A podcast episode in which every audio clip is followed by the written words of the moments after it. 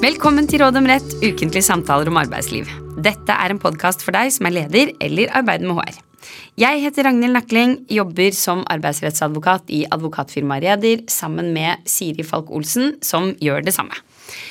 Vi har denne podkasten hvor vi har ulike arbeidsrettslige tema, og dersom det er noen temaer du ønsker at vi skal snakke om, så kan du gjerne sende innspill til oss på sifa at raeder.no og rana at raeder.no. Men dagens tema det er oppsigelse pga. langvarig sykefravær. Og Siri, du har akkurat overtatt som overraskelse ny HR-sjef i en landsdekkende butikkjede med mange hundre ansatte. Denne butikkjeden har ikke hatt noen egen HR-sjef tidligere, og det merkes. Her er det mye å ta tak i.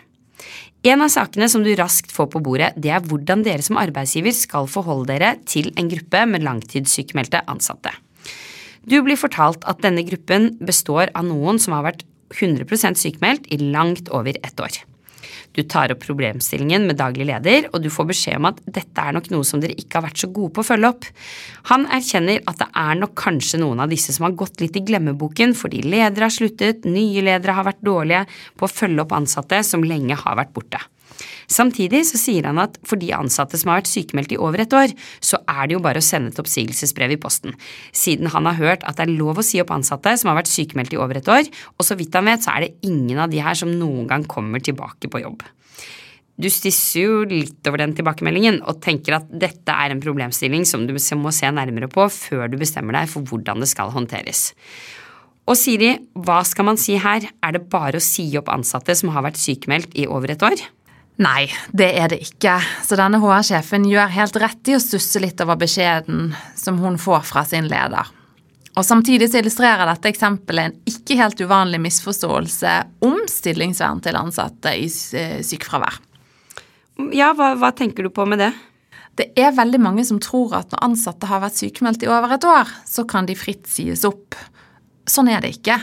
Det er imidlertid riktig at arbeidsmiljøloven har en bestemmelse som sier at arbeidstakere som er helt eller delvis borte fra arbeid pga. sykdom, ikke kan sies opp pga. dette de første tolv månedene etter at han eller hun ble syk. Så arbeidsmiljøloven har rett og slett et forbud mot å si opp ansatte fordi de er syke de første tolv månedene av sykefraværet. Og det er jo en bestemmelse som de aller fleste mener er riktig og viktig, siden det verner ansatte mot å miste jobben bare fordi du er blitt syk. Ja, jeg tenker som deg at selv om sykefravær absolutt er noe som skaper utfordringer for arbeidsgiver, så er vel de aller fleste enig i at det er viktig å ha et arbeidsliv som tar vare på de som blir syke, og at man skal sikre at færrest mulig da, faller utenfor arbeidslivet pga. sykdom. Og når det gjelder dette forbudet i arbeidsmiljøloven og mot å si opp noen pga. sykdom, så sier det seg kanskje litt selv, men, men, kan du si litt mer om hva som ligger i det? Kan man, kan man si opp sykemeldte ansatte pga. andre forhold enn sykdom? Ja, det kan arbeidsgiver, og her står du inne i en, ganske, en annen ganske vanlig misforståelse, nemlig det at, det eh, at en del arbeidstakere tror at det å være syk og det å levere sykemelding, det forhindrer en oppsigelse. Det gjør det ikke. For ansatte i sykefravær de kan sies opp som andre ansatte også de tolv første månedene av sykefraværet, så lenge oppsigelsen da er begrunnet i noe annet enn sykdommen og sykefraværet. For så er det ikke helt uvanlig i større nedbemanningsprosesser at dette spørsmålet kommer opp, altså om sykemeldte ansatte kan rammes av nedbemanningen, eller om de må holdes utenfor utvelgelsesprosessen. Og Svaret på det spørsmålet det er at også sykemeldte ansatte de kan sies opp så lenge det ikke er begrunnet i sykefraværet. Så her er det egentlig to ganske vanlige misforståelser på hver sin kant. Nemlig den ene misforståelsen sykmeldte arbeidstakere kan sies opp med en gang det har gått et år. Og den andre misforståelsen sykmeldte arbeidstakere kan ikke sies opp i det hele tatt. Men hvis arbeidsgiver skal bevise da, dette med at eh, du er sagt opp med saklig grunn pga. en nedbemanningsprosess, ikke fordi du er syk, hvordan skal man bevise det? Det er jo mange arbeidstakere som da vil i hvert fall hevde, og sikkert kanskje tenke selv, da, at oppsigelsen reelt sett skyldes sykefraværet. Ja, det er jo ikke en helt uvanlig problemstilling at eh, det tas opp. Eh, og det er jo ikke uvanlig at arbeidsgiver opplever det sånn i en, i en oppsigelsesprosess der man er eh, i sykefravær. Så Derfor er det jo også viktig å minne arbeidsgivere om den såkalte sånn bevisbyrderegelen i arbeidsmiljøloven, som sier at oppsigelser som skjer i denne tolv måneders verneperioden, det skal anses å ha sin grunn i sykefraværet hvis ikke noe annet gjøres overveiende sannsynlig, som det står i loven. Det er jo en litt typisk jusregel. Altså, hva betyr dette med at man må gjøre det overveiende sannsynlig at oppsigelsen skyldes noe annet enn sykefravær? Hva slags råd vil du gi til arbeidsgivere som står i en situasjon hvor de lurer på klarer jeg å gjøre det overveiende sannsynlig at oppsigelsen ikke skyldes at denne ansatte er syk? Ja, og det er jo ikke så enkelt å si hva som skal til i hvert enkelt tilfelle.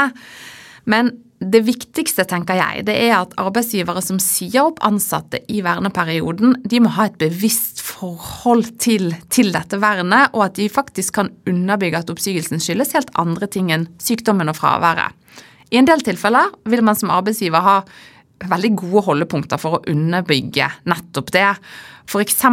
hvis det gjennomføres en nedbemanning og hvor det skal reduseres et, et visst antall årsverk pga.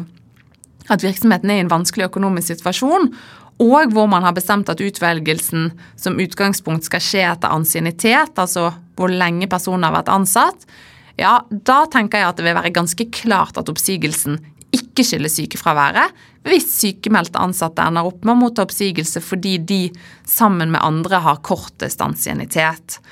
Og så er det en annen ting kan være at dette med sykefravær det må jo vektlegges i en helhetsvurdering, siden ansatte i sykefravær er i en ekstra sårbar situasjon. Så, så, man må ta det med i helhetsvurderingen eh, og, og ved endelig utvelgelse. Men det er ikke sikkert at det vil bli utslagsgivende. Så i en situasjon som dette, så kan ikke den ansatte vise til denne tolv måneders verneperioden som en begrunnelse for at han eller hun ikke kan bli rammet eh, i denne nedbemanningen. Har du noen andre eksempler hvor en arbeidsgiver vil kunne påvise med overveiende sannsynlighet at oppsigelsen ikke skyldes sykefraværet, og dermed kunne gi oppsigelse selv om man er innenfor verneperioden på tolv måneder?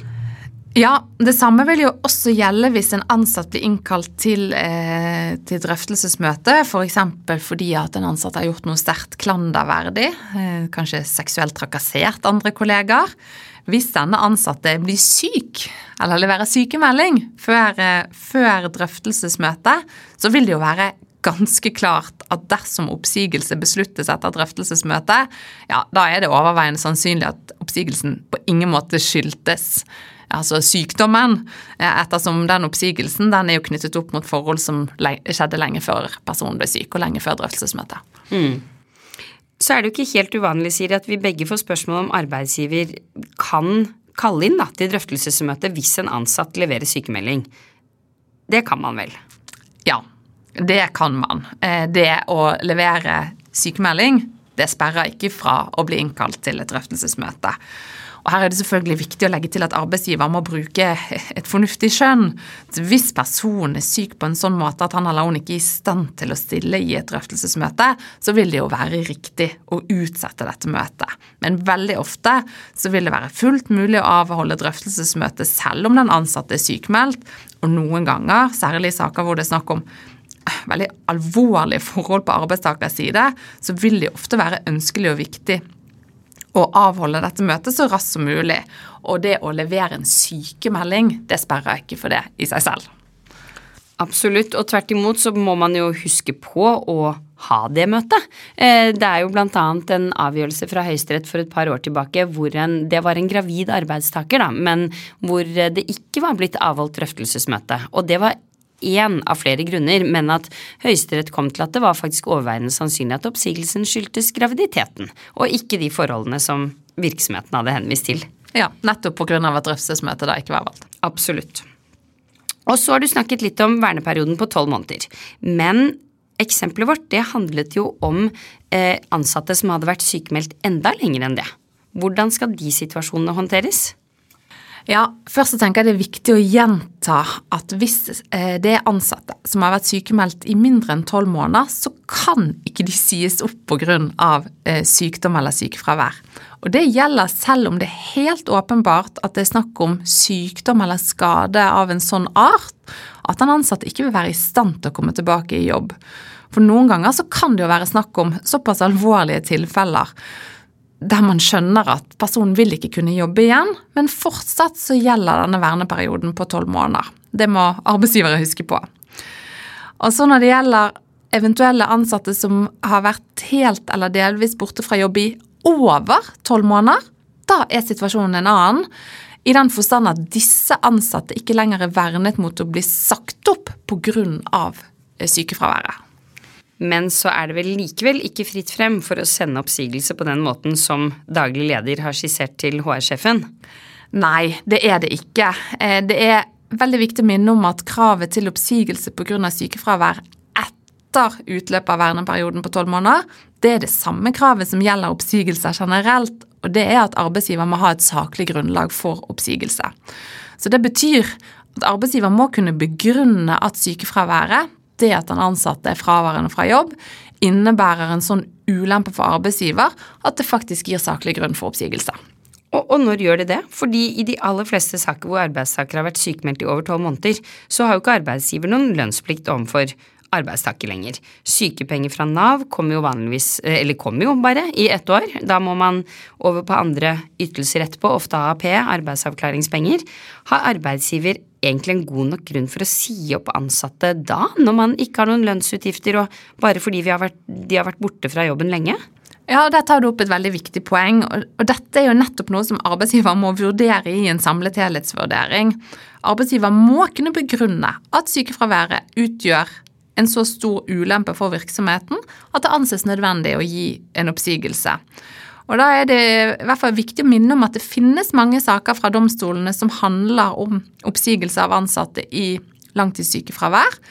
Og mange av disse sakene anerkjenner at arbeidsgiver i sånne situasjoner kan ha saklig grunnlag for oppsigelse. Og hvis en sak av den typen kommer til domstolene, da, hva legger domstolen vekt på da? Hva er det arbeidsgiver må hensynta når man vurderer er det saklig grunn for oppsigelse her eller ikke? Jeg tenker først at Det er viktig å understreke at dette er jo ikke en sånn skjemavurdering ut ifra hvor lenge en ansatt har vært i sykefravær. Det er ikke sånn at hvis man har vært borte i ett eller to eller tre år, så er kravet, kravet til saklig grunn automatisk oppfylt. Arbeidsgiver må som i eh, alle oppsigelsessaker foreta en konkret og skjønnsmessig vurdering av om arbeidsgiver i dette tilfellet dette enkelttilfellet har saklig grunnlag for å si opp den ansatte. Men det er helt riktig at det er ofte tre momenter som domstolene eh, trekker fram i vurderingen av om kravet til saklig grunn er oppfylt i denne type saker. Og hva er de? Eh, for det første så vektlegger domstolene gjennomgående om arbeidsgiver har oppfylt sine forpliktelser knyttet til oppfølging og tilrettelegging. Har arbeidsgiver gjort det som med rimelighet kan forventes for å forsøke å legge til rette for at den ansatte kan komme tilbake i jobb? Og I forarbeidene til loven så er det uttalt at oppsigelse det vil kun være saklig begrunnet hvis det ikke kan tilrettelegges slik at arbeidstaker kan fortsette eh, i sin vanlige stilling, og omplassering innenfor virksomheten heller ikke er mulig. Det er jo sånn at Arbeidsgiver har et strengt ansvar for oppfølging og tilrettelegging for ansatte i sykefravær, og arbeider for at de kommer tilbake i jobb. Og arbeidstaker har en tilsvarende plikt til å medvirke til dette arbeidet. Jeg tenker likevel at det er et stort tema som fortjener en egen episode i podkasten, men nevner det likevel her i den forstand at dette er et moment som, som domstolene ser på ved vurderingen av eh, om en oppsigelse er saklig begrunnet. Og det andre, hva er det? Det er eh, eh, den ansattes sykdomsbilde og utsikter til bedring. Så det sentrale spørsmålet eh, man må stille seg, er hvor lang tid det vil ta før arbeidstaker kan forventes tilbake i arbeid. Og I de tilfellene hvor den ansatte har hatt et langvarig sykefravær, og de medisinske utsiktene til bedring er små eller fraværende, ja, da er det mindre som skal til for å tilfredsstille kravet til saklig grunn. Eh, og motsatt. Hvis arbeidstaker er på bedringens vei og i ferd med å kunne komme tilbake eh, på jobb, eh, så skal det en del til for at en oppsigelse vil være saklig begrunnet. Og I forbindelse med denne vurderingen så vil det ofte kunne være praktisk å innhente dokumentasjon fra lege og få en sånn funksjonsvurdering. Det må skje i samråd med arbeidstaker som må samtykke til dette. Ehm, men det vil jo ofte arbeidstaker også være tjent med å samtykke til, fordi at det vil kunne gi arbeidsgiver et bedre beslutningsgrunnlag. Og så sa du at det var tre momenter. Hva er det tredje momentet som arbeidsgiver må vurdere ved en eventuell oppsigelse av en langtidssykemeldt ansatt? Det er at det alltid må foretas en interesseavveining. Og i dette så ligger det en vurdering av proporsjonalitet, forholdsmessighet, Altså ved at det at en oppsigelse må fremstå som en naturlig og rimelig reaksjon i det konkrete tilfellet. Og når man snakker om eh, eh, sykefraværssaker, så vil jo typiske momenter som kan trekkes inn i vurderingen, og som domstolene ofte eh, anerkjenner, det vil være om sykefraværet fører til et omfattende vikarbehov for arbeidsgiver, at det sperrer for andre ansettelser. Eh, det vil være om sykefraværet medfører en ekstra belastning på andre medarbeidere i virksomheten. La oss si man ikke får inn en ny leder, så andre må ta av arbeidsbelastningen. Videre så vil virksomhetens eh, art, størrelse og økonomi kunne spille inn på vurderingen. Eh, og til slutt så må selvfølgelig betydningen for den ansatte av å beholde arbeidsforholdet tas med i denne interesseavveiningen. Hmm. Så til noe den daglige lederen snakket om som kanskje er selvsagt for de aller fleste av lytterne våre, men det er vel heller ikke sånn at fordi noen har vært langtidssykemeldt, så er det bare å sende en oppsigelsen i posten, sånn som daglig leder foreslo. Nei, det er det absolutt ikke. Eh, det er i disse sakene akkurat samme krav til prosess som gjelder ellers ved oppsigelser, nemlig at den ansatte må kalles inn til drøftelsesmøte før beslutningen om oppsigelse tas. Og det at den ansatte har vært fraværende i en lengre periode, kanskje ikke har hatt noe kontakt med arbeidsgiver, kanskje på, i årevis, det, det gjør definitivt ikke at arbeidsgiver kan droppe eh, de vanlige saksbehandlingskravene som gjelder ved oppsigelse. Og Det med drøftelsesmøte det er jo tema i en tidligere episode av podkasten for de som ønsker å høre mer om det. Så hvilke råd vil du gi til HR-sjefen da, Siri, når hun skal gå videre? Hvordan skal hun ta det videre? Hun har jo fått en ganske vanskelig oppgave hvor hun er bedt om å håndtere en gruppe ansatte som hun ikke kjenner fra før, og hvor det også er sånn at noen av lederne deres har sluttet. Det kan jo være at det ikke er så mange i virksomheten som har nok kunnskap om historikken til den enkelte ansatte. Ja, hun har absolutt fått en vanskelig oppgave på bordet, men desto viktigere er det at hun er på plass og, kan ta tak.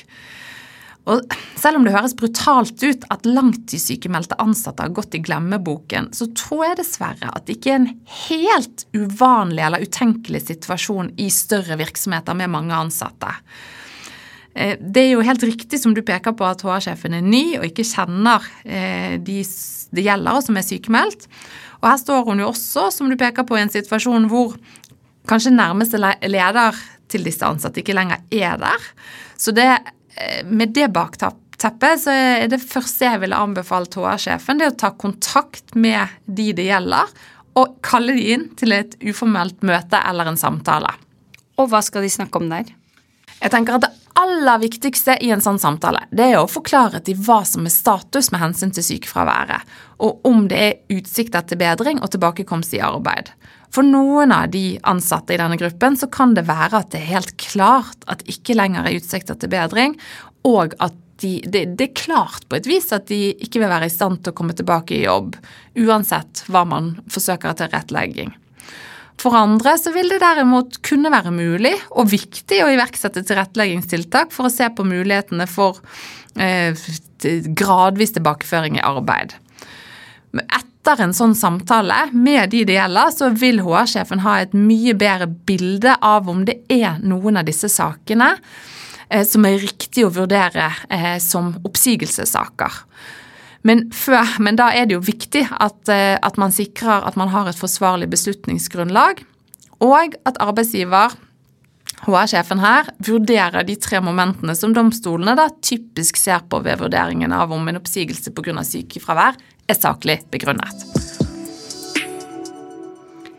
Som vanlig en oppsummering til slutt, Siri. Tre konkrete tips til arbeidsgivere som vurderer oppsigelse pga. langvarig sykefravær. Ja, Det har jeg. Eh, arbeidsgiver må huske på at det er en verneperiode på tolv måneder hvor det er forbudt å si opp ansatte pga. sykefraværet. Og dette gjelder uavhengig av diagnose og utsikter eh, til å komme tilbake i jobb. Så må arbeidsgiver huske at ansatte i sykefravær ikke er vernet mot oppsigelse pga. andre forhold, men man må i de situasjonene passe på at denne bevisbyrderegelen og at det kan gjøres overveiende sannsynlig at oppsigelsen skyldes noe annet enn sykefravær. Og til slutt, hvis arbeidsgiver vurderer oppsigelse pga. sykefravær, hvor ansatte har vært helt eller delvis borte fra jobb i over tolv måneder, så må arbeidsgivere huske på de tre momentene som domstolene legger stor vekt på ved vurderingen av om en oppsigelse er saklig. Og det vil si om tilretteleggingsplikten er oppfylt, hva som er sykdomsbildet og utsikter til bedring, og til slutt interesseavveiningen. Det var det vi hadde. Takk for i dag. Vi kommer tilbake med nytt tema og nye tips i neste episode.